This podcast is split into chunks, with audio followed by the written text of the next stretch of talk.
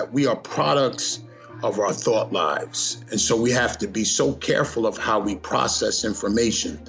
And so, you know, if you allow a thought to come in and you allow that thought to plant in your brain, you know, it germinates and it, and it grows like a seed. So you want to be able to have control and understanding of what happens to you. And so, what I mean by be the driver of your car, not the passenger of your car, is the fact that if I would have allowed my alcoholic dad living in poverty and all the dysfunction around me to control my life, it would have taken me down a path that would have been consistent with what was going on around. Your problems and your issues are the one that's in control.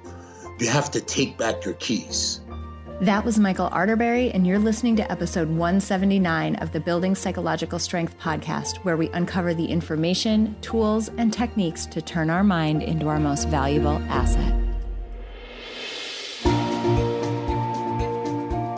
The courage to face fears with persistence. Being able to be present enough in this moment to choose my response thoughtfully.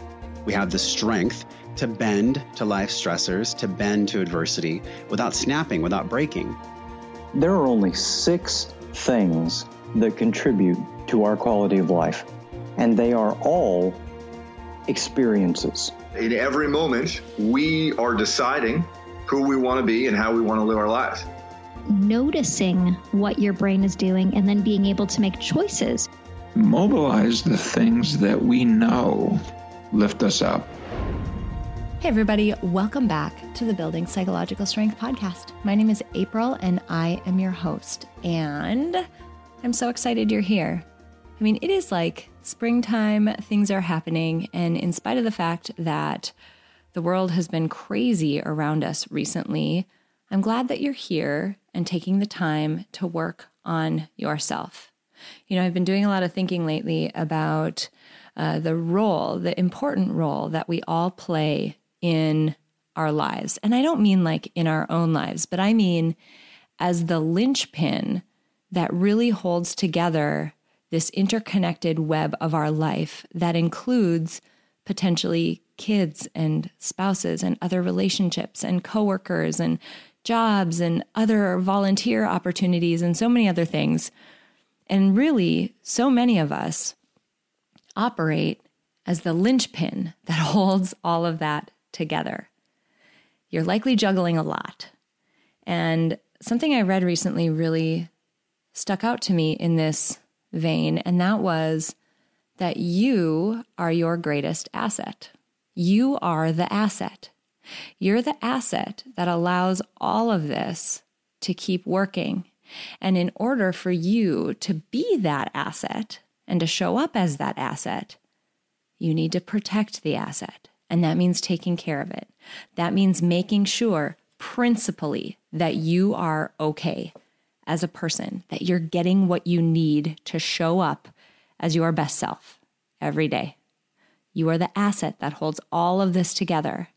And I say that because I want you to take it seriously and I want you to really take into account and think about the critical role that you play in your life and the lives of so many people around you. Give yourself a little recognition for that. And if you want an easy way to begin doing some work that will really help you in this realm, help you take care of yourself, help you get to know yourself even better, help you really protect the asset that you are, we invite you to join us in the Peak Mind Starter Pack. This is the absolutely free set of modules that we put together. We curate them and they change all the time, but we put them together to help give people quick and easy wins, easy ways to apply so much of what we're doing within Peak Mind into your own life. Because if we can't apply it in our lives and make meaningful changes, why are we even here? So I invite you to join us in the Peak Mind Starter Pack. You can go to peakmindpsychology.com backslash start and sign up for the starter pack. There is a wealth of information and content in that starter pack that is absolutely free and ready for you right now. So if you want to start protecting that asset and taking care of yourself in the way that you should as the important linchpin in your family, I suggest you start there. We'd love to have you. This week, in this episode of the podcast, we are speaking with a gentleman who has not only an incredible wealth of knowledge to share with us, but it's backed up and supported by his own powerful personal story. This week, we are speaking to a man by the name of Michael Arterberry, and he, as a teenager, was so fortunate to receive guidance from so many positive adult role models who helped him overcome a set of adversities that a lot of us can't even imagine. He's so grateful today for the role that these mentors played in his development that he's dedicating his professional life to helping people navigate navigate the difficulties of life and launch their future into motion. We're so fortunate in this episode because Michael shares very openly about his personal experience growing up in an incredibly difficult situation. A alcoholic father who, um, you know, his alcoholism came out in you know manners of anger and rage um, the poverty that he grew up in the neighborhood that he grew up in the lack of basic resources that he has had as a child but i'm curious for you to hear and excited for you to hear the initial way that michael characterized what his future might look like when he was in that deep dark place how he used the power of his mind to point himself in the right direction, to not go down the path that is probably the likely path for folks who are in that position. Instead, he thought about the legacy that he wanted to leave behind, what he wanted to teach his future kids, and that he didn't want his future kids to experience life in the way that he had. And that aspect of tapping into his values and what was critically important to him, meaning the legacy he wanted to leave and the life he wanted to build for his family, was what helped him set the trajectory of his life to become an author, a motivational speaker, a business owner, an entrepreneur, all the things that he talks about in this episode we get into some incredibly powerful stuff. Like from the moment that this interview starts, Michael's going to tell a story, sort of an anecdote that had me at the edge of my seat. I was so curious about how that story would end and how it would relate to what he was talking about. I can't wait for you to hear that. I'm also really excited for you to hear the discussion that we have around his activity that does with people, he does with people, this activity called Who Am I? and the implications that has for your ability to reinvent yourself anytime you want to. He also gives an incredible overview of this notion that we should be the driver of our own car. And for many of us, we're not in that driver's seat, something else is.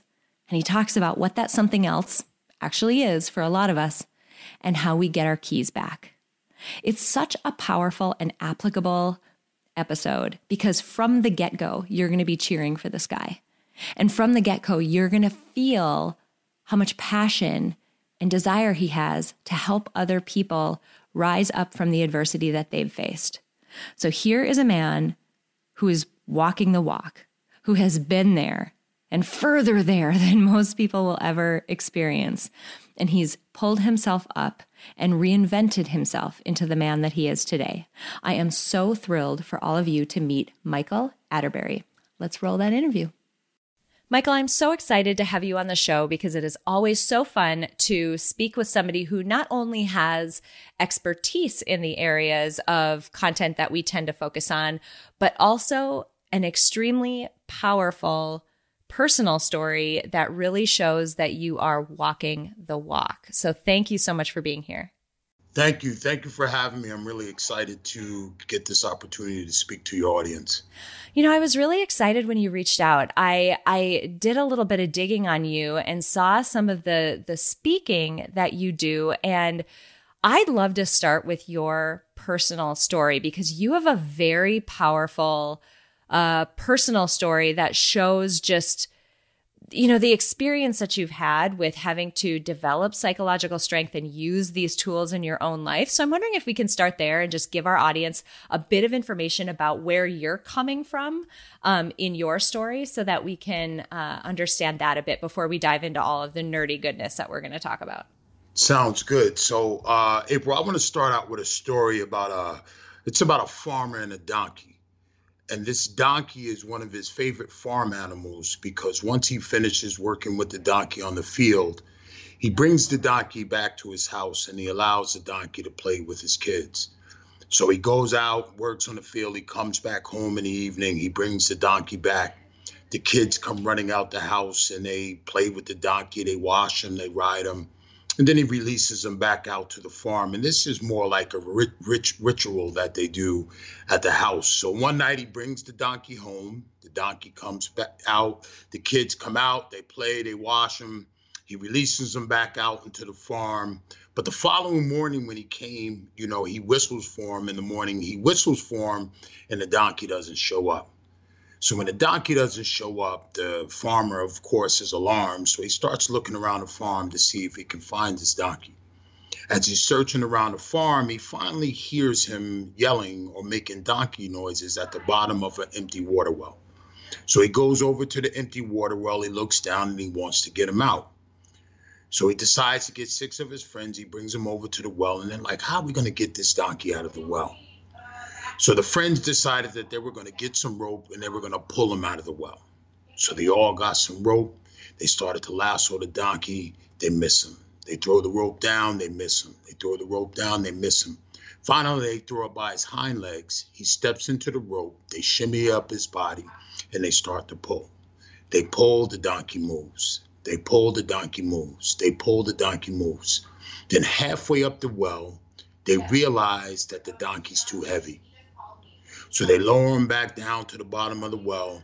And now the farmer has to make a grim decision. Now, see, the farmer can't feed him food at the bottom of the well for his family because that wouldn't make any sense. The farmer also is not really comfortable with starving him because, you know, like I said in the beginning, he's more like a pet. One of his hot headed friends said, Hey, let, us shoot him. And he's like, No, that's too violent. So one of his more reasonable friends said, Listen, you don't want your kids to fall into the well. So what we're gonna do is we're gonna have to sacrifice your donkey, but we're gonna pour um, shovel dirt into the well, secure it so your kids don't fall in, and everything will be safe. So all of his friends grab shovels and they start shoveling dirt. And every time that dirt would hit the donkey, the donkey would scream, and it would cause the farmer some distress. So you get dirt, scream, dirt, scream, and then all of a sudden the scream stopped. Now, when the scream stopped, they give the donkey a moment of silence, but then they get back to work. They keep shoveling, they keep shoveling, they keep shoveling. The next thing you know, you see the donkey's right here.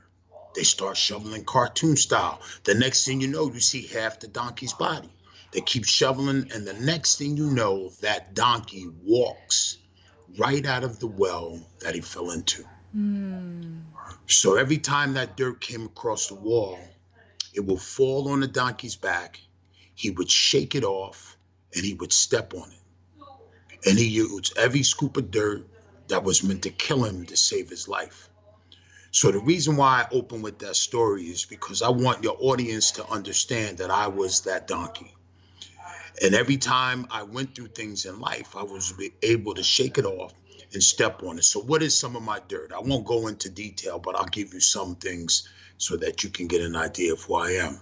First and foremost, I lived in a, a home with a raging alcoholic father raging. I have to put raging in front of it. If I said alcoholic, it wouldn't be enough. And he raged from the time I was born until he died when I was 16. So you have to imagine as a teenager growing up in that environment, there wasn't a day that I got up and I went to school and enjoyed my day that I didn't have to peek into the future of the evening being nervous about what I was about to go go home to when I got home. Mm-hmm. Second to the alcoholism, um, I lived in poverty. I had two parents, both my parents, both of them worked full time. My dad was a bus driver. My mother was a housekeeper and his salary went to drinking in the streets. My mother's salary went to raising four kids with a housekeeper salary. So you can only imagine, Wow. you know what I mean, how Yeah. difficult that was. You know, um, and then dysfunction. You know, I came from a neighborhood where, you know, it was bad. I mean, like my my my house, which I show in some of my in my some of my presentations. If you looked at it from the outside, it, it looked condemned. And I had a landlord that didn't really fix things, but also I had a basement where he would allow in the wintertime for the bums that were around my neighborhood to actually like live and and come in and out of the bottom of my basement. So, you know, between my living environment, the poor choices the teenagers were making around my way, you know, drugs, alcohol, crime, um, you know, those are some of the things that I had to navigate to keep pressing forward to try to keep my head above the water. So, you know, that's just a, a, a snapshot, but you know, I could go on probably for hours if you really, uh, if you had it. But that's a little something, April. I appreciate you. First of all, that story is so powerful. I was like a bated breath over here, like, oh no, what's going to happen? It was so amazing. and it was such a great analogy for the experience that you had growing up. And for anyone who's listening to this, I, I asked Michael to start there because, you know, so much of what we're going to get into in this episode, and likewise, so much of the content that we talk about in most of our episodes on this podcast it's it's techniques and information and tools that help you keep your head in the game help you be mentally strong help you live and thrive through life. That's easy when life is easy like it is easy to be grateful when life is easy it's more difficult to thrive and it's more difficult to use the tools that we're about to talk about when you're facing incredible adversity. And whenever I'm speaking with somebody who has that background, I always like to go there right out of the gate because I want this audience to understand that Michael is a person who's been there, like, been more there than most of us will ever be. And so the information that you're going to share with us is it's all that more credible because you've used it in some of the most dire of circumstances to come to the place that you are today. So I'm glad that we started there because it's such a it's such a testament to your strength as a person and also the importance of what we're about to talk about. So yes, yes. I think the obvious question is you're an incredibly balanced and successful and amazing person. You've got this speaking career where you deliver this powerful message to so many audiences. How help us understand what you had to do to go from that place as that kid in such a difficult environment with such difficult experiences. How did you become that donkey and how did you like get out of that hole that you were in what were some of the things that you had to do to get yourself to the point where you saved your own life Well, one of the, the blessings was the fact that I was um, gifted athletically. So I was I was an elite athlete, and my mom wasn't really into counseling. So her way of getting me out of the the, the craziness for a little while is she got me into sports right around the age of eight, and I started playing basketball, baseball, football, and soccer. And I rotated all four of those sports from the age of eight until I graduated high school. And actually, when I graduated high school, I could have gone on to college for all four sports, but I chose football because it was my favorite. But uh, the athletics were was an opportunity for me to not only escape the craziness, but I was able to gain some of the things that you would get from a traditional family from those environments. So what I mean by that is the accolades I was good. So I was an elite athlete. So when you play well, you're constantly being praised for that. So I didn't have to worry about getting that from my home, which would have been best if I could have. But getting the accolades from my peers and adults around me helped to nurture that positive attitude about myself. Also with coaches. So I had coaches and I had teachers along the way that didn't know my story specifically, but I guess well, not I guess, being a social worker now, a young person will give off certain vibes to make you understand that you don't know quite what it is, but it's something about them. And I think I was giving off those waves. So I had teachers and coaches that would come in and mentor me without me even really um, exhibiting things that was really um, um, an automatic of me being a person going through problems, you know, and then family, you know, being on team after team after team.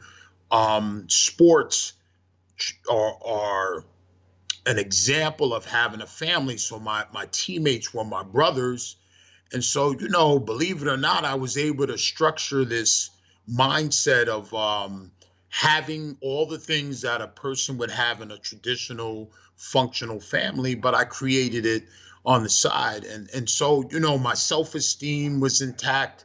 Um, and, and I will say this that, and I talk about it quite often in my talks, you know, in my house where I grew up, it was it was some winters we didn't have heat. And I remember one night about 10 years old, I, I was falling asleep. It was cold. I'm under my covers, I'm crying. And I said to myself that when I grow up, my kids will never have to live the life that I went through. And I say that because any time that I found that my struggle got too tough, I actually used my unborn children as a catalyst to keep me pushing. And I'll finish by saying that I have a 12 year old and a 16 year old. Um, I graduated to a better life and am more successful now, but my kids know nothing about the type of childhood I had to have. All they know is what is on the opposite side. So I broke the cycle. I was able to break the cycle and not carry on what I came from. That's amazing. That's so powerful. There's it's interesting because so many times when we talk about psychological strength, we talk about this ability for our minds to um, the ability that our mind has for representation. That's basically like your imagination. And in a lot of cases, um, it's not the most it do, it's not always the most helpful part of our minds because it can be responsible for a lot of anxiety. When we're sitting in the present moment and we're worrying about the future, we can put ourselves in a place where we can start to feel nervous or anxious or worried about things that have yet to happen that aren't actually happening right now. You did the opposite. You intentionally used this ability of yours and of all of ours who have, you know, minds, this ability to say, I can envision a different future. I can envision kids that I don't have yet. And those kids are important to me. And it's important to me to show them a different life than the life that I've experienced. It also links back to something that's very core in psychology, and that is our human values system. Like each of us has a set of values, a set of things, of, of ways that we want to live, ways that we want to show up, and how we want to be known. And that value system can guide so much of our action. It can it can help spur motivation when we need it. It can help us make the right decision when that decision is hard not you know taking the easy way out. And it sounds like not only were you envisioning that future but you were tapping into something that was a core value of yours meaning i want to have a family and i want that family to have a different experience than what i've had. And i think that's so powerful of a motivator. Thank you. Yes so I'm curious then, there's a lot of intentionality that's underneath what you're saying. I mean, it's so many of us have experienced this, right? In a lot of situations, and I kind of mentioned it a moment ago, there's there's the right decision to make, and then sometimes there's the easy decision to make. It sounds like you've made a lot of right decisions. And I know you talk a lot about this metaphor of being the the driver of your own car, not the passenger. Can you go into that a little bit because I think that's an important now knowing you and knowing your background. I think that's an important message for my audience to hear. Yes, um, what what I mean by being the driver of your car, not the passenger. You know where where I like to start is is is affirmation and where we we first in our own minds so on, on an individual basis but then also, um, you know, people that can hinder it, you know, and that could be, you know, your peers, uh, family members, um, or even different life experiences. And what what I mean by that is that we are products of our thought lives, and so we have to be so careful of how we process information.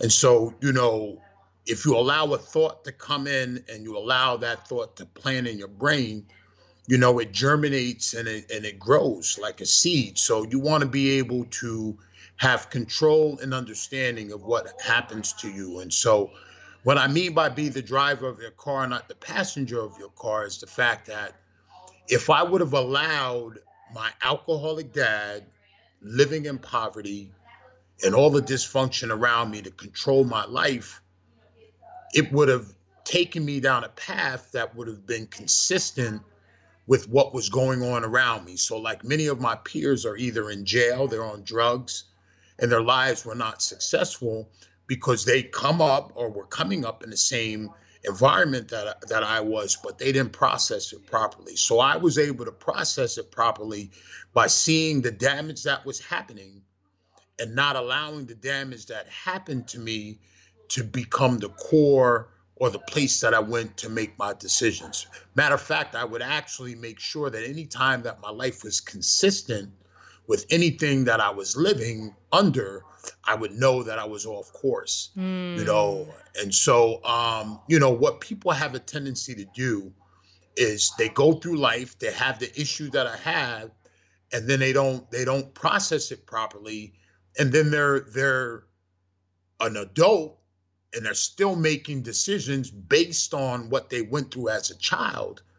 And so what I I finally teach when I'm talking about the car and the driver is that once you realize that your problems and your issues are the one that's in control, you have to take back your keys. And identifying that you no longer are driving you have to take back your keys and take back control. You know, I, I tell a story about my daughter coming down. She came down. Um, my wife brought her down to my man cave, and I'm watching football. And you know, she comes down, she gets in my lap, I play with her, and then um, you know, she goes back to my wife. And when my wife goes to pick her up, I said, "Good night, beautiful." And when I said "Good night, beautiful," you know, she looked at my wife. She said, "Did you hear what Daddy called me? He called mm. me hmm. beautiful." And she embraced that. But because of the the work that I do, I thought about if I said goodnight ugly. I thought about when she came down, if I started to hit her with rhetoric that was loud, obnoxious, and very negative, and that she went through that year after year, four, five, six, and just say, for instance, I'm in a room with teenagers explaining this, and then I bring it to their age. So they're 14 years old, and I'll say, all right, she's 14 and she's now sitting in a classroom with you. And then I'll say to them, what does she look like? You know, and they'll say she's dark, she's depressed, she has poor relationship with boys. And then I'll ask them, who's driving a car? And they'll say her dad. And I'll say, you know what? Mm. She can get mm. married and have a husband. And guess what, guys? I'm still driving a car. She can get married, have a husband and a child. Guess what, guys? I'm still driving a car. And I explain to them that until she takes back her keys as her father, I have control of her life. So that whole concept is the fact that you want to take control of your life and not allow the issues of what you've been through, what you're going through, become the catalyst to the way you make decisions. Oh, I just want that to sit with people because we don't give enough credit to the potential influence, and I'll use the word potential, right? The potential influence that our upbringing and our own personal history and the rhetoric and messages that we repeatedly hear, both directly and also indirectly. Um, there's a ton of just subtle messaging that we hear from society and family and friends and other people, uh, media we don't give enough credit to how much that influences our lives. But I love that you're saying you can take the keys back. I mean, that points to it has the potential to run your life, and that is not something to be taken lightly, but you don't have to let it. How How did you do that? How do you help people do that? Like, are there actionable things or things that people can think about to help them do just that, to take the keys back? If you've got a person who's listening to this, they're nodding along, they're like, yeah, I I was in that position for one reason or another. I know that there's an outside influence that's that's I'm operating underneath the control of right now. How do you take back your keys? What are what are some of those actionable steps? You know, what I do is I run I run my my I run people through activities. So when you say actionable steps, what I can do is I'll, I'll just give a few activities that they could do um, actually on their own. Um, but the first one that I always do is um, uh, affirmations. So I, you know, I have a um, a participant actually uh, for one minute list all the positive qualities about themselves, and then after that one minute of listing the positive qualities, you know, I asked uh, how easy would it be for them to list the negative qualities, and that is just the foundation and the start of realizing, like I said, being being someone. Um, in control of your life. So you're looking at the the positive qualities about yourself over the negative qualities. So, you know, I like that to be a start because you want a foundation in a positive place.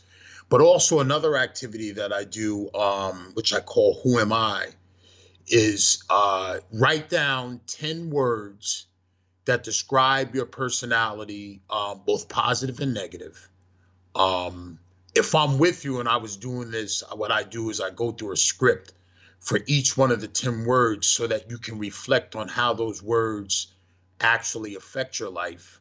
Um, but I have you crumble up each word once the script is over. So if you don't have the script, if you're at home, look at the word, think about how it affects you, then crumble it up and, and drop it like on the floor in front of you so that by the time you're done, you have all 10 slips of paper. And then once all 10 slips of paper are crumbled up and you've gone through them, you go back and you pick up the ones you want back, but then you leave the ones on the floor that you don't want back. And then you realize at that point, these are the things that are important to me and that I should strive for trying to build and make more successful in my life. And then the things on the paper uh, on the floor are the things that you have to start to do some work on, you know. And I think that people sometimes have issues with going back into their lives and trying to kind of dissect and find where where they made the wrong turn, but it causes it causes us pain. And so, you know, part of my teaching is is is taking people back through their history and seeing where the landmines were that they stepped on, damage occurred, but they have no idea that it did. And once you are able to find the damage, that's where you can start the process of being able to take back your keys. Mm, that's powerful. It's really powerful. And what I I, I want to highlight for folks is sometimes that that notion of almost I mean what you're suggesting is almost like a rewriting of your own identity, right? Picking the pieces of it that are helpful and useful to you going forward and casting aside the pieces that aren't. Sometimes for people that can feel artificial. It can feel like, well, I, you know, I have to accept all of me no matter what. And the thing is, if you think about your identity now, at whatever age you are, in the current circumstances that you're in, like just take a snapshot of who you are now and compare that to who you were 10 years ago, 20 years ago for some people, depending upon how old you are, you know, listening to this. You can see over the course of those large amounts of time shifts in the way that you show up in the world, shifts in the way that you think about the world, shifts in the core of your identity. This is something that happens naturally to us.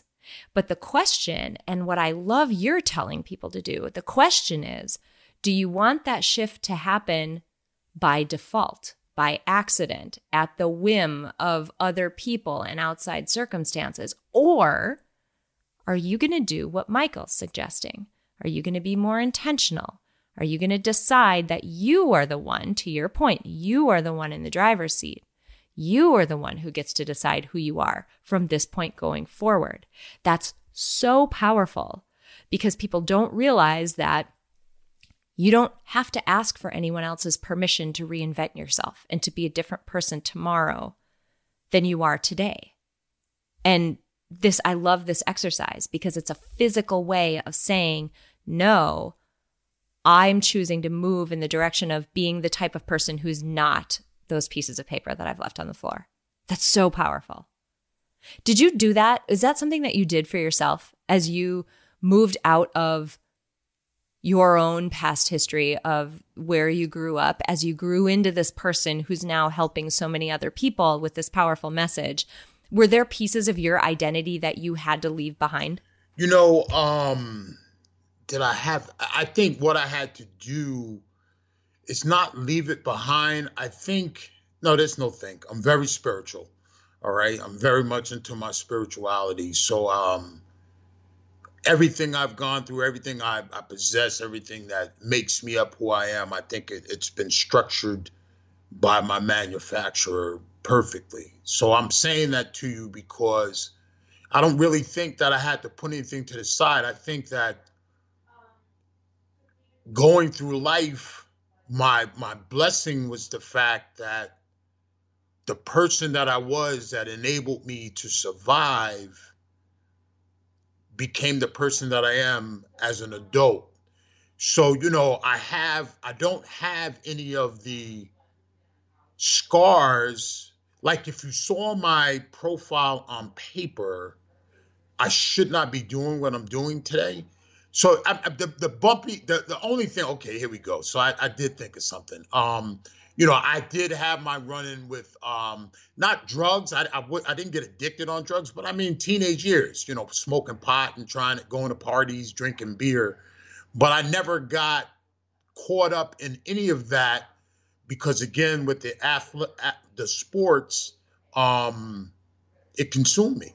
You know, consumed me, and I always wanted to be the best in everything that I did. And when you are focused on striving and being you know, I always teach my kids, and I'm a coach as well, that you want to separate yourself from the pack. So anything I do in life, I don't want you to be able to put me in the basket of average. And I think that's always been part of my my my nature. So, you know, I, I constantly try to strive to be um, extraordinary rather than ordinary. That's beautiful. That's absolutely beautiful. And it's a decision, right? Like that's an intentional decision. Deciding that you're going to be distinct and unique, that you're not going to be average, that you're going to be extraordinary. That's a decision that has to be made before you can go and do that. And I love that. I'm curious about at the beginning of this conversation, we talked about how you used your the idea of your future family as a way to guide you in the right direction when you were in a tough situation growing up. Now that you're here, you've got these, you know, kids and this this beautiful family what is the what's the legacy that you want to leave for them? What do you want them to know about you based on the man you've become and the work that you're doing and the impact that you're making? Uh, and i ask this for a very specific question but i'm curious how you would articulate yours. You know um one another one of the tags i use is is how do you want to be remembered? And and so you know, let me take you back a little bit. You know, growing up, I was always a big kid. Um, you know, I'm a big man, and so growing up, I was always bigger than most of my peers, and and so I had a decision to make. I could either be a bully, or I can be one to protect those being bullied. And I went on the side of being the protector. And I, I mean, from kindergarten right up until I graduated high school, I made sure that if I saw someone that was weaker, um, I came to the defense. And so I say that because I did it through, like I said, elementary. I did it through middle school, you know. Um, and then I went to my 25 year high school reunion. And uh, my high school president pulled me to the side and she says, uh, You know, I want to tell you that there's people here tonight just because they emailed and called me and you said you were coming. And when she told me this, I was humbled you know, and I, I remember not being anxious to get home to tell my wife about it. But this story gets even better. This same woman um, I grew up with um, follows me on Facebook and on my Facebook page, I put out inspirational messages on a daily basis. And so she's reading the messages, she's taking what went on when we were growing up. And uh, she got a job at a charter school. And so she wanted me to bring my youth development program to the charter school. So I show up for a planning meeting. And you know, you got the administrators, so it's a little stuffy, the suits, and you got everything very professional like. And we go around the table and we introduce ourselves. And uh, I introduce myself, but she interrupts and says, You know, I didn't give myself enough justice. So I look at her and I'm like, She says, Can I add? And I said, No problem. And you know, when she started to add um, to my story, April, um, she started to cry. And, uh, you know, it took me back. I'm sitting in this meeting, it's so professional but as I sat there, I realized how much I've touched this woman throughout the the, the times of our lives and the interaction we have, we've made. So when you talk about legacy, you know, I I want to teach my kids and I want to teach people that I go around that when when I leave a person, I want to leave a certain essence that um, is almost unexplainable you know, um, like I said, I'm spiritual. I listen to a lot of spiritual music. Um, and there's a song that I heard, and it, it, it said that if you're looking for him, I hope you find him in me. And so, you know, depending on who your higher power is, you know, that song resonates with me because, you know, that's the type type of legacy I want. I, I, I want our interaction to leave you in a place that when you leave, you say, wow, you know, not wow like me on a personal level, like to for an ego thing, but wow, this person was able to touch me in a place that um, you know, not most people have been able to do. That's beautiful. And I ask that question because think about think about what kind of a north star that is for you and for anyone. I would encourage everyone listening to this to think about that. What is the legacy that you want to leave? What is the way that you want other people to feel when you're around when they're around you and when they've spent time with you? And what are the actions and behaviors we need to do in order to live in alignment with that? Because that that north star can be such a strong hold point for us when everything else is crazy around us. It, it at least gives you a stable point to hold on to that, regardless of what's happening around me, this is the direction that I'm going. And I just think that's so beautiful. I'm curious, given the work you do in social work, given your experience growing up, given everything we've talked about, how you would define psychological strength. What does it mean to you?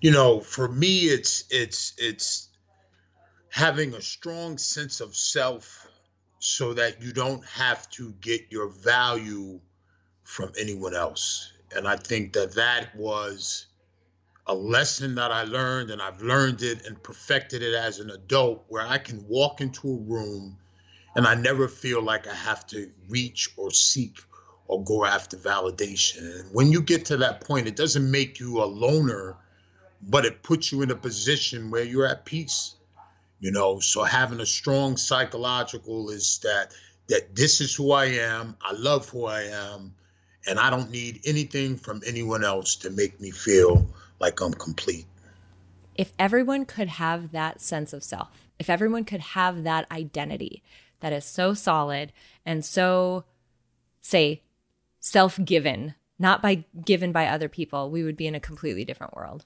today i totally agree i love that definition um, this has been so powerful. I appreciate you sharing your background and your, you, you know, your own personal story and the way that it's related to the work that you do. If people want to find more about you, if they want to, I mean, I know there's talks that you've given that are online. Where can people find more information about you and connect with you? Um, for my, my motivational speaking, they can go to michaelarterberry.com and that's where um, you can get most of my motivational speaking information. Um, I have a nonprofit that I've created for youth, um, and I created a youth development program which I call Power of Peace.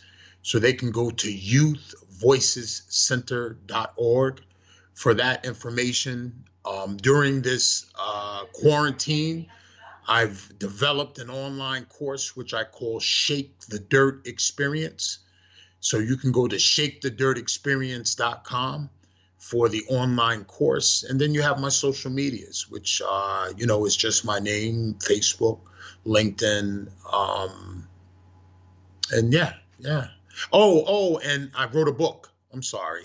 I wrote a book. Oh, just that called, small thing, right? Like, oh yeah, oh, and yeah, yes, yeah, I wrote a book. Tell us about your book. I yeah, I'm sorry. I wrote a book. It's called Be Encouraged.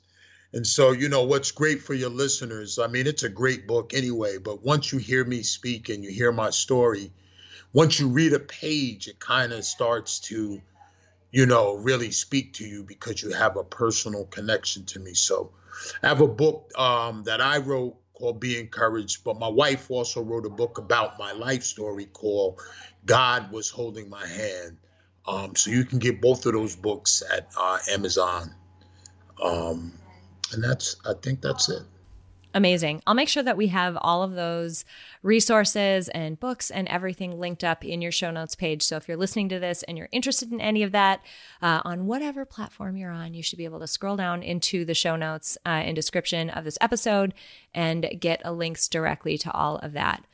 Michael, this has been amazing. It's been so powerful. It has been a great reminder to me of the importance of keeping in mind what's what's actually important in life and what I actually value and how I actually want to show up. So, so much love and so much appreciation for you being here and being so open about your own story. Thank you so much. Thank you. Thank you for having me. It's a simple fact that nearly everyone in the world could benefit from building psychological strength, but not everyone will put in the time and effort to do so. But today you did. Thank you so much for listening to this episode of Building Psychological Strength. Now, if you're interested in building the mental toughness, confidence, and resilience you need to thrive through life's ups and downs, visit us at www.peakmindpsychology.com. Also, if there's someone in your life who could benefit from this episode, please share it with them. And if you yourself found this episode valuable, meaning if you took away even one insight that you can use to build psychological strength in your own life, we would so appreciate it if you would drop us a rating and a review on iTunes. The thing is, the more ratings and reviews we have, the easier it is to get this powerful and important content out to the people who need to hear it. Remember, your mind can be your most valuable asset or your biggest liability, and you get to choose. So choose wisely, my friend. And I'll see you next time on Building Psychological Strength.